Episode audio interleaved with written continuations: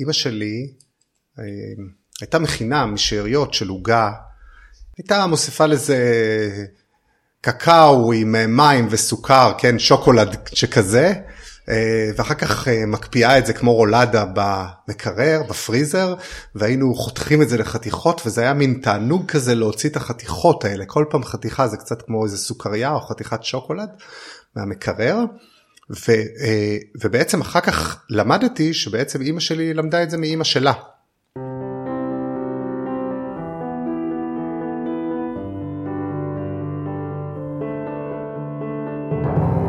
שלום, אני טלי אשר, ואתם על מי רוצה נס, פודקאסט שנועד להכיר לכם מקרוב את החיים לצד התמודדות נפשית.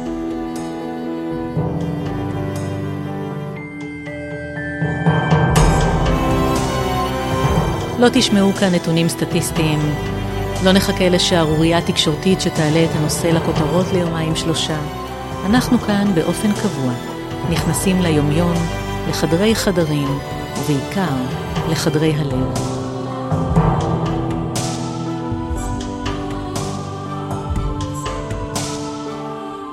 עדי וולפסון הוא פרופסור להנדסה כימית. הוא פועל למען איכות הסביבה וקיימות, ועושה זאת באמצעות מחקר מדעי, עשייה חברתית, כתיבה ספרותית, ולא פחות מזה, דרך העוגות המשובחות שהוא אופה. היי עדי. היי. מה הקשר שלך לעולם ההתמודדויות הנפשיות? הקשר הישיר שלי זה שאני אב לבן מתמודד נפש, אבל יש לי את התחושה ואת ההבנה עם השנים שכולנו מתמודדים. יש לי בן טרנסג'נדר, וכשהסיפור החל הייתה לי בת. אה, בת שבגיל הנעורים מתמודדה עם קושי מאוד גדול, הסתגרה בחדר, שלוש שנים כמעט ולא הלכה לבית הספר. אה, שלוש שנים אה, שהיה צריך לעלות כל בוקר לחדרה ורק לבדוק שהיא שם. בספר שלך כמו שהיורה שיצא לאור לא מזמן, גם שם יש אב למתמודד נפש. זאת החוויה המרכזית שמלווה את כל הרומן. כן. מה קורה בחדר? נכון. האם אפשר יהיה לחלץ אותו מהחדר? נכון. אה, מרחפת אימה. נכון, ברומן לקחתי את זה לאקסטרים, כן. כמו שאומרים, ובעצם אה, לקחתי 24 שעות שאותו ילד ישן, לא קם, לא אוכל, לא הולך לשירותים, לא שום דבר, ובעצם נמצא בחדר. זה לא תלוש מהמציאות, אני חייב לומר, אבל ב-24 שעות האלו בעצם תיארתי את האב שעולה יורד במדרגות, הולך, נוסע לעבודה וחוזר לבדוק שהכל בסדר, חוזר לעבר וחושב על העתיד, ובעצם אה, מגלגל את כל מה שהיה ואת כל מה שהוא חושב, חרד, מקווה שיקרה. אה, אני אוסיף עוד משהו. אמ, התחושה היא שהאב נמצא בה בעת בשני יקומים. אחד ביקום של החדר הזה, והשני הוא יקום של כל החיים מסביב. מה צריכים האחים, אמ, מה קורה בעבודה, מה קורה גם עבורו, כן ללכת לשחות, לא ללכת לשחות, אבל שני היקומים האלה מתקיימים בה בעת. כן, תראי, מהחוויה האישית שלי, עוד פעם, בלהפריד mm-hmm. מהספר, שבזה, יש בהחלט אה, אה, מעין שני יקומים שכאלו, מפני שהחיים ממשיכים.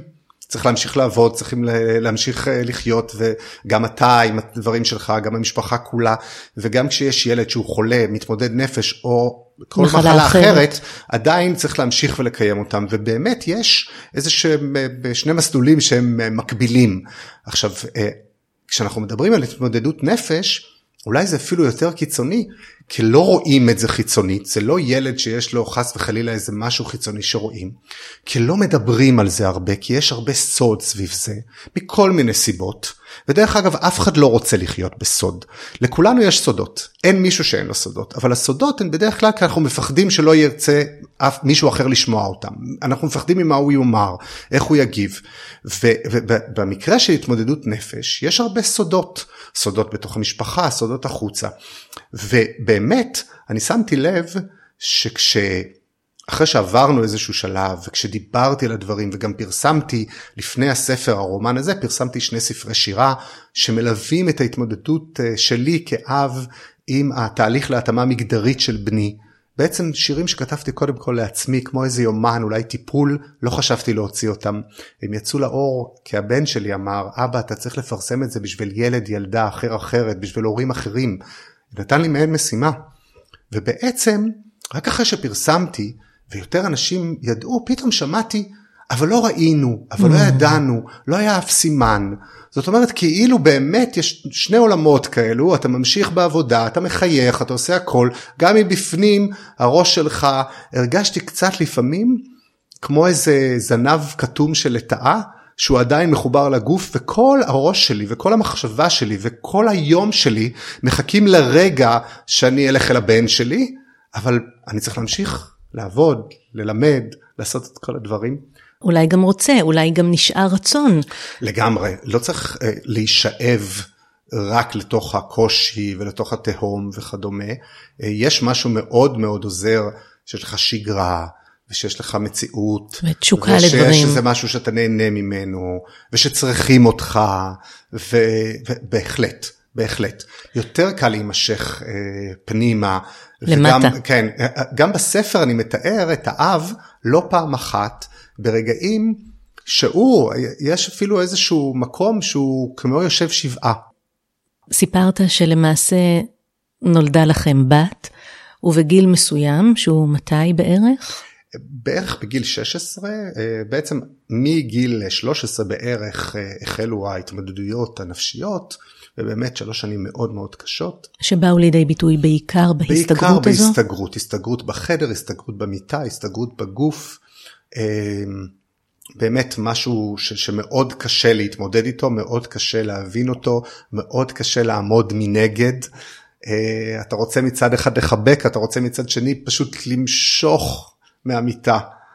יש איזה רגע בספר שאלון אה, אומר, בהתחלה אתה חושב שזה משהו תקופתי, שזה משהו רגעי, איזשהו קושי, איזשהו משבר, עד ההפנמה שלא. מדובר במשהו שהוא המשכי יותר, שהוא עמוק יותר.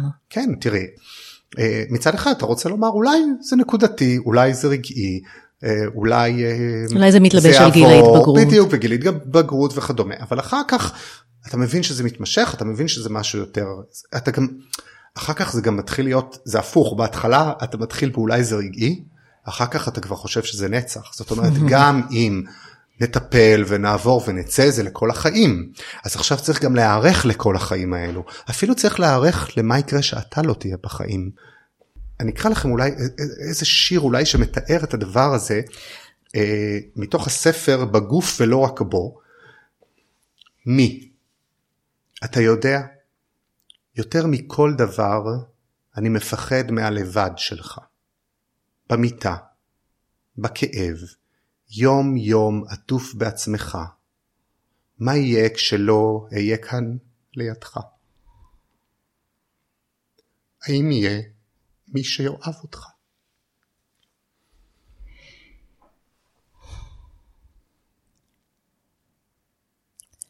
אני חושבת על התחושה הזאת שיש קצה למה שאפשר לעשות עבור הילד או הילדה שלנו. לגמרי. אני רוצה, חשוב לי לומר על זה משהו מאוד ברור. אם יש משהו שלמדתי, ולמדתי והלוואי וכולם לא יצטרכו ללמוד אותו בדרך הקשה, אבל ידעו אותו, זה שאנחנו לא יכולים לעשות הכול. שאנחנו צריכים לשחרר, שאנחנו צריכים לדעת לתת למי שיש לו את הידע, את היכולת לעשות את מה שאנחנו יכולים, לא יכולים לעשות כהורים. וזה לא בגלל שאנחנו לא חכמים, ולא בגלל שאנחנו לא מלומדים. אתה לא יכול, גם אם היית הרופא הכי טוב, לטפל בבן שלך כמו רופא בחוץ שיעשה את זה. כי כשאתה צריך להוציא את הילד שלך מהמיטה, זה הילד שלך.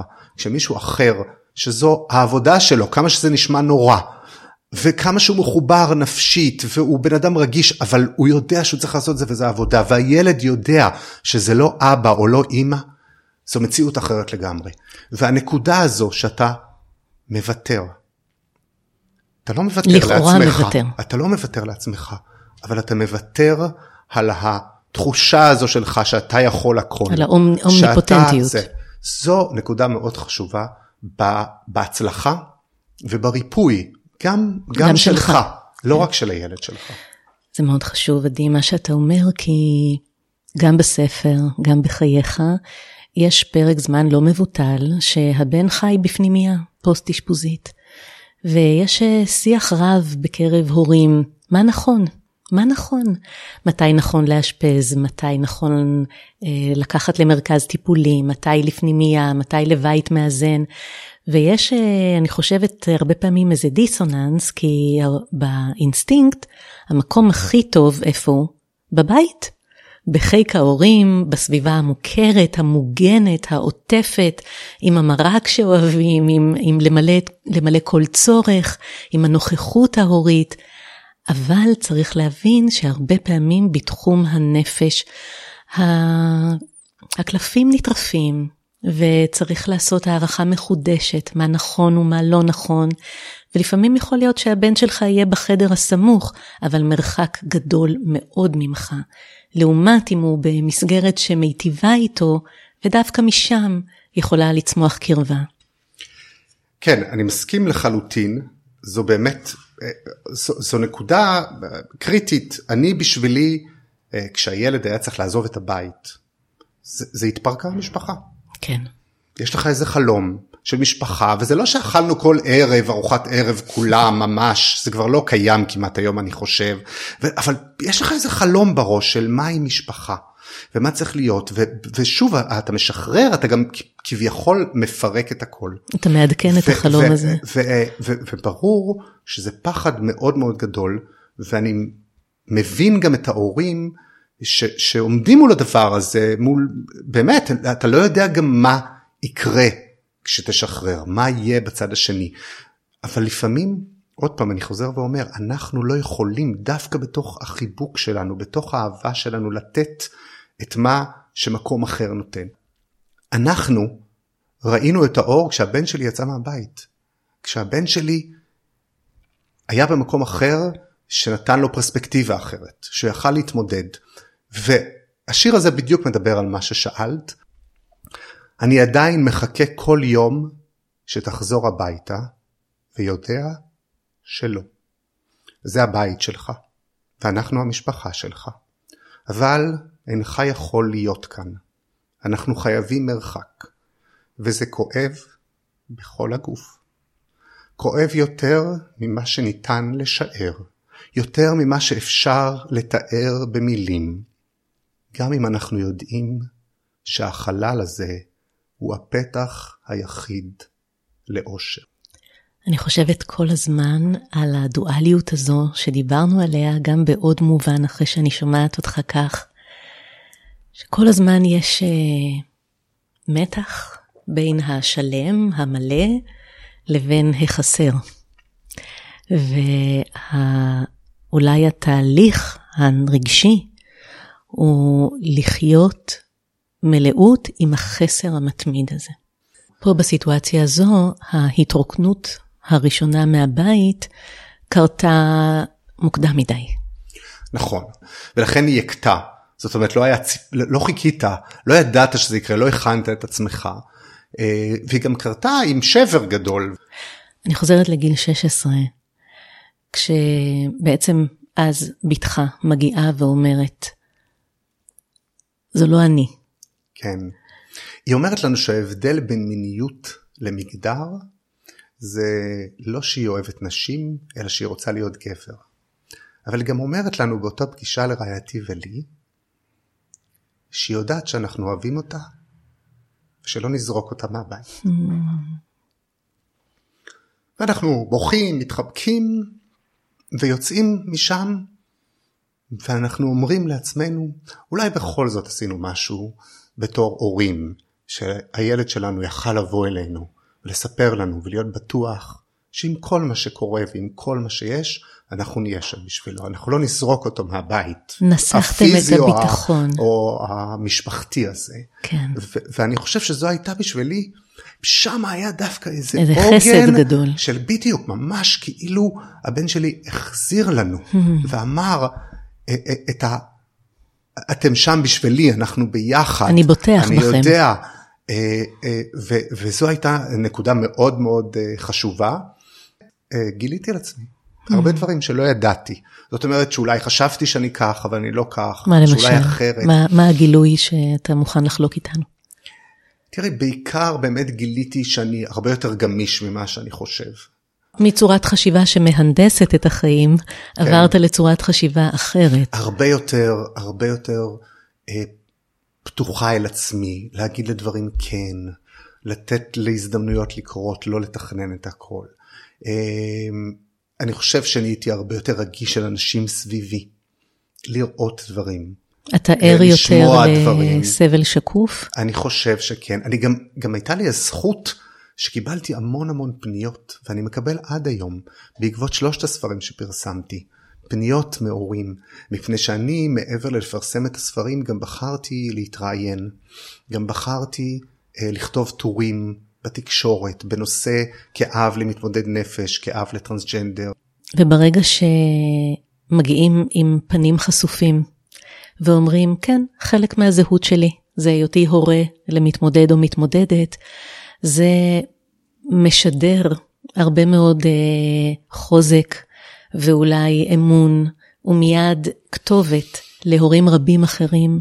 לגמרי, תשמעי, זה פשוט, התראיינתי בגלי צה"ל אצל אילנה דיין בזמנו, וקיבלתי בערב הודעת מסנג'ר ממישהי שאומרת לי, בעלי נסע בדרך, שמע שהולך להיות ראיון אצל אילנה דיין עם אב למתמודד נפש, ואמר לי, תפתחי את הרדיו. והקשבנו לראיון, הוא עשה אחורה פנה, הוא חזר הביתה. ישבנו, חיכינו לבן שלנו, ואמרנו, אנחנו יודעים מה, מה העניין. בוא תספר לנו, אנחנו מבינים מה יש.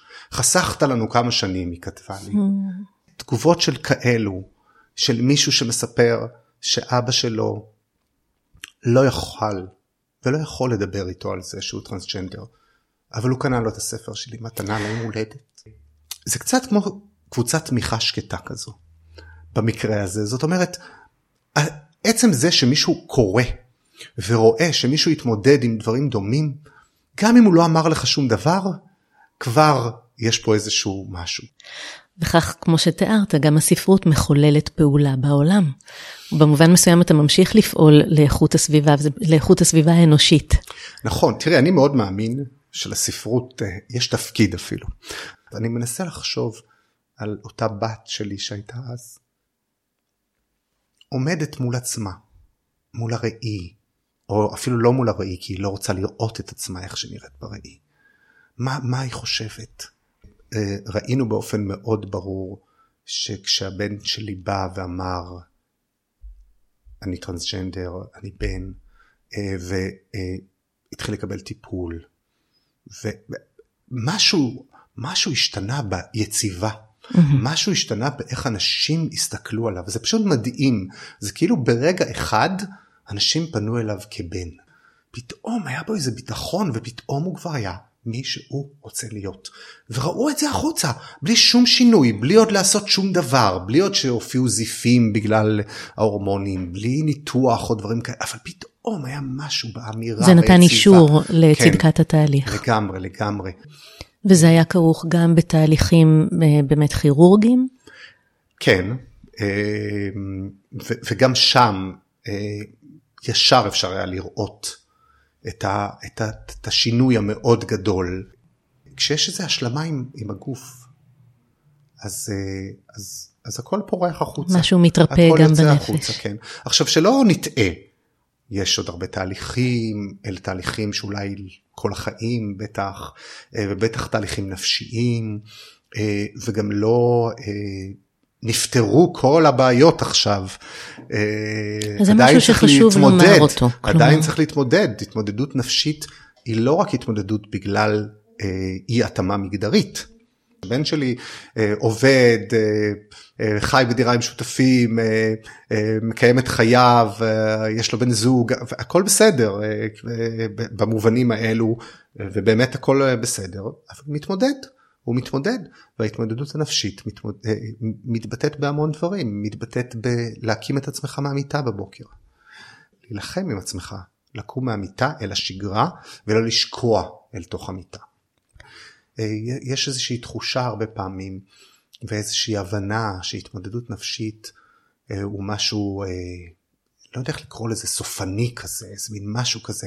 אנחנו רואים תמיד את הקיצון, את הסרטים שראינו, את הדלתות האלו באשפוז, את האנשים המשוגעים, כן, הדברים האלו. ויש סביבנו הרבה מתמודדי נפש. כאלה שאנחנו אולי לא יודעים בכלל וזה בסדר שאנחנו לא יודעים לא חייבים לספר לנו אנחנו גם לא מספרים הכל לכולם. אתה גם כותב יש באוכלוסייה כ-25% מהאנשים זה הערכת חסר של מתמודדי נפש. אתה גם כותב בספר על אושר שהוא משהו שאפשר לגעת בו. הוא יכול להופיע לרגעים מסוימים, והוא יכול להתקיים לצד חוויית האימה, או תיארת את ה... כמו שבעה, האבל, שנוכחים והם הם קיימים אה, אני בסמיכות. אני אפילו אומר יותר מזה. כאשר אתה יורד לתהום מאוד עמוקה, הגובה של האושר הרבה יותר גבוה. אתה חווה רגעי אושר ורגעי הצלחה, לפעמים בדברים שאולי יראו מאוד קטנים למישהו אחר ביום יום, אבל אתה חווה.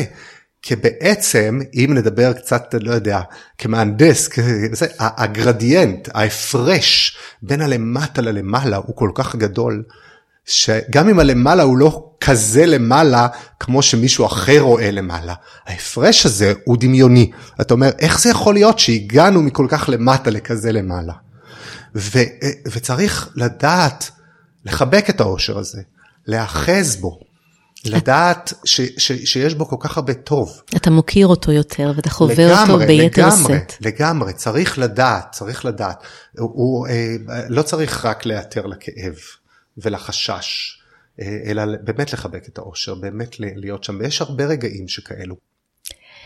עולה מהדברים שהמשפחה נשארה תא, תא חזק ושלם, חם, מחבק, עד כמה? אני חושב שאפילו יותר חזק ממה שהיה לפני, באיזשהו מקום. כי כשצריכים כמשפחה להתמודד עם קושי מאוד גדול, של אחד מבני המשפחה, שקודם כל אומר שכל התשומות של הזמן, של הראש, של הלב, כמעט הולכות למקום אחד. אי אפשר לומר את זה אחרת. זה שואב. אין פה שוויון, וצריך להתמודד עם הדבר הזה. ושיש אה, איזושהי אחריות לכל אחד בתוך הסיפור הזה. אז אני חושב שזה מייצר איזה כוח משפחתי אחר. בסוף בתוך כל העיסוק שיש לכל אחד מבני המשפחה, ההורים, הילדים, ביומיום שלו וביחסים הבין אישיים כל אחד, אה, יש איזשהו חיבור משפחתי מאוד אה, חזק. אני מאוד מרגיש אה, שזה נתן לנו איזשהו כוח משפחתי מאוד חזק. קח אותי לרגע משברי לאורך הדרך שלך. רגע קשה היה כש... באמת בתוך התהליך הזה, שהבת שלי אז אה, שכבה בחדר, ולא לא ידענו מה עושים, ולא הצלחנו למצוא כלום. וש... שנשברתי במובן שבאתי, ואמרתי לה די, צריך לקום מהמיטה, זהו. ופתאום לא, לא רציתי להיות זה שמבין ולא כלום, זה, זה, זה לא היה קשור בכלל אליה, זה היה קשור אליי. זה, זה פשוט אני. ומשכתי אותה מהמיטה וצעקתי ולקחתי את הטלפון וכל מיני כאלה דברים ואחר כך אמרתי לעצמי מה עשית. עכשיו זה היה ברור שזה היה אני זה לא היה קשור בכלל אליה זה היה הקושי שלי שלא ידעתי מה לעשות. לא, כלום לא עובד כלום לא קורה אי אפשר להמשיך ככה. צריך לשבור את הכלים. ואני שברתי אותם, לא בדרך שרציתי לשבור אותם, לא בדרך שתכננתי לשבור אותם. הכיתי על חטא אחר כך כל כך הרבה פעמים, בפני עצמי, בפניה, בפניו. אבל, אבל זה היה רגל, מבחינתי זה היה רגל, רגע של שפל. מאוד מאוד קשה. של אולי ביטוי של המצוקה ושל חוסר האונים. כן, שלי לגמרי, זה היה אני. כן. אני צעקתי אל עצמי. כן. אני, אני אה, כמעט הרבצתי לעצמי, אבל, אבל אה, רציתי להבין מה עושים, איך, משחרר, איך, איך יוצאים מהפלונטר הזה, איך משנים משהו. עד כמה אתה מרגיש שהסביבה החברתית, אולי המקצועית, אה, הייתה אמפתית, יכלה להבין. יש חוויה מאוד גדולה של בדידות בתוך uh, תהליך שכזה. כנראה שהיא הכרחית באיזשהו מקום, כי בסופו של דבר זה מתחיל במשהו שאתה רוצה לשמור לעצמך, חלק מהדברים, גם אם אתה מספר לחלק מהאנשים, אתה לא מספר הכל, אז אתה כבר מבודד את עצמך בעצם. ושאנשים מטבעם אה, לא רוצים לשמוע דברים קשים או דברים, אה, זה יש להם את שלהם ואת הצרות שלהם וכדומה. אבל מעבר לחוויה הזו, אה, אנחנו לצערי הרב חווינו מה... מאנשי המקצוע מסביב, בבית הספר, במקומות אחרים, מאנשי טיפול, מפסיכיאטרים ופסיכולוגים או פסיכולוגיות ופסיכיאטריות וכדומה, חווינו גם הרבה הרבה אה, רגעים מאוד אה, קרים, מאוד מנותקים, אה, עד כדי כך שאתה שואל את עצמך, אבל איך איש טיפול שכזה לא רואה את הדברים האלה, לא מבין אותם? אה, הרי אתה בא למישהו אה, עם הדברים הכי הכי רגישים והכי הכי אה, כמוסים וכואבים שיש. וזה לא שאני חושב שמישהו יכול לעשות אה, נפלאות ברגע, אבל כשאתה רואה חוסר רגישות הרבה פעמים בתוך המערכות, אה, ואני מזכיר לעצמי תמיד שמערכות זה אנשים, ו- ואני תמיד אומר שאם יש מישהו אחד שרואה, שמחייך, שמסתכל, שעוזר במשהו קטן, זה לפעמים עולם ומלואו. פגשתי לאורך הדרך כל כך הרבה אנשי מקצוע לא רגישים, שהם אנשים שמטפלים במתמודדי נפש, והם כל כך לא רגישים. ו... וזה חבל לי. וזו חוויה שהורים רבים שותפים לה. כן, כן. אני גם שומע את זה לאורך הדרך. יש עוד משהו שלמדתי בדרך הזו, שצריך uh, לסלוח. אתה מרגיש שאתה סולח? כן, גם לעצמך. עושים טעויות, רואים דברים. אתה מצליח אה, לסלוח גם לאנשים שהרעו עם בנך? אני מקווה שכן. אני, אני יכול לומר שאני... היו, היו כמה נקודות, היו כמה נקודות שבאמת הייתי כל כך נסער בגלל דברים שקרו, ואמרתי לעצמי, איך זה יכול להיות שמישהו עושה כזה דבר? איך זה יכול להיות? ובאתי וזה, אבל, אבל אחרי שכעסתי ופעלתי וזעקתי, אתה עושה שלום בנפשך. לקחתי את זה למקום שבו נעזור למישהו הבא, בוא נשנה את זה. כן, כן. וזה מאוד עזר לי. עדי, מה נותן לך כוח? ליהנות מהחיים, מהיום יום. אה, מ... אה, לכתוב, אה, לקבל תגובות, אה, לאכול, להיות עם המשפחה, אה, להצליח בניסוי במעבדה ולהגיד אוריקה, באמת מהדברים הקטנים האלו. אני מתעכבת רגע על האוכל. הרבה מאוד אזכורי אוכל בספר, ממש לפרטי פרטים, וכשסיפרת על הזיכרון המתוק שלך, תרתי משמע, מיד חשבתי על זה גם, אוקיי, מה משמעות האוכל בחייך? מאוד אוהב מתוקים, ולהכין עוגות ולהכין מתוקים. כמו אלון בספר שמאוד אוהב אה, מתוקים. אה, כן. כשהייתי קטנה והייתי קוראת את אה, סדרת הספרים על הדוב פדינגטון, אז uh, תמיד הייתי צריכה צלחת עם שתי פרוסות לחם עם ריבה מעל, כי הוא היה פריק של ריבה. וכשקוראים את הספר שלך מאוד מתחשק עוגה תמיד. כן, אז הנה, אז, אז אני באמת מאוד אוהב עוגות. מבחינתי, לחפש את העוגה שעוד לא הכנתי ואם הם יאהבו או לא יאהבו ולעשות איזה טוויסט ולשנות ולפה זה, זה יכול להעסיק אותי אה, בכיף כמה שעות של אושר אפרופו שאלנו על אושר ועל מה זה ולדעת שיהיה מישהו שיגיד וואו זה טעים אני יכול לעבוד שעות בשביל ארוחה שיגמרו אותה ברבע שעה 20 דקות ולהרגיש אושר מאוד גדול מהדבר הזה. אני מזדהה איתך עדי ביותר מדבר אחד. איזה נס יש בחיים שלך. זה שיש לי משפחה מההורים והאחים המחבקים והאהובים דרך רעייתי והילדים שלי וזה לא מובן מאליו וזה באמת נס, נס גדול מבחינתי הדבר הזה הכוח המשפחתי הזה המקום לדעת שיש לך תמיד לאן לחזור ויש לי גם את, ה, את, ה, את הנס הזה שאני יכול לכתוב ושיש מישהו או מישהי בצד השני שיקראו את זה. לאיזה נס אתה עוד מייחל? ש, שנחזור לאיזה טוב משותף, שיכול להיות טוב לנו, אבל גם טוב לאחרים. שזה לא רק אני, שזה אנחנו. תודה על השיחה הזו. תודה רבה לך. תודה גדולה לעדי, תודה לצחי אשר, שאחראי על הסאונד ובאופן כללי על האהבה בחיי. תודה לכם ולכן, גם על התגובות לפודקאסט וגם על התגובות לספר שלי, החיים שלנו סוף. לכל תגובה יש משקל רב בליבי. תודה רבה. מי רוצה נס נמצא בכל אפליקציות הפודקאסטים, ספוטיפיי, אייטיונז, גוגל פודקאסט או כל אפליקציה אחרת. אפשר למצוא את כל הפרקים גם באתר שלי, טליאשר.קום, ולעקוב אחריי בפייסבוק. כדי להתארח בפודקאסט, להגיב או להמליץ על מישהו אחר, שילחו לי הודעה באתר. ועד הפעם הבאה, שיהיה לכם ולכן כמה שיותר נס.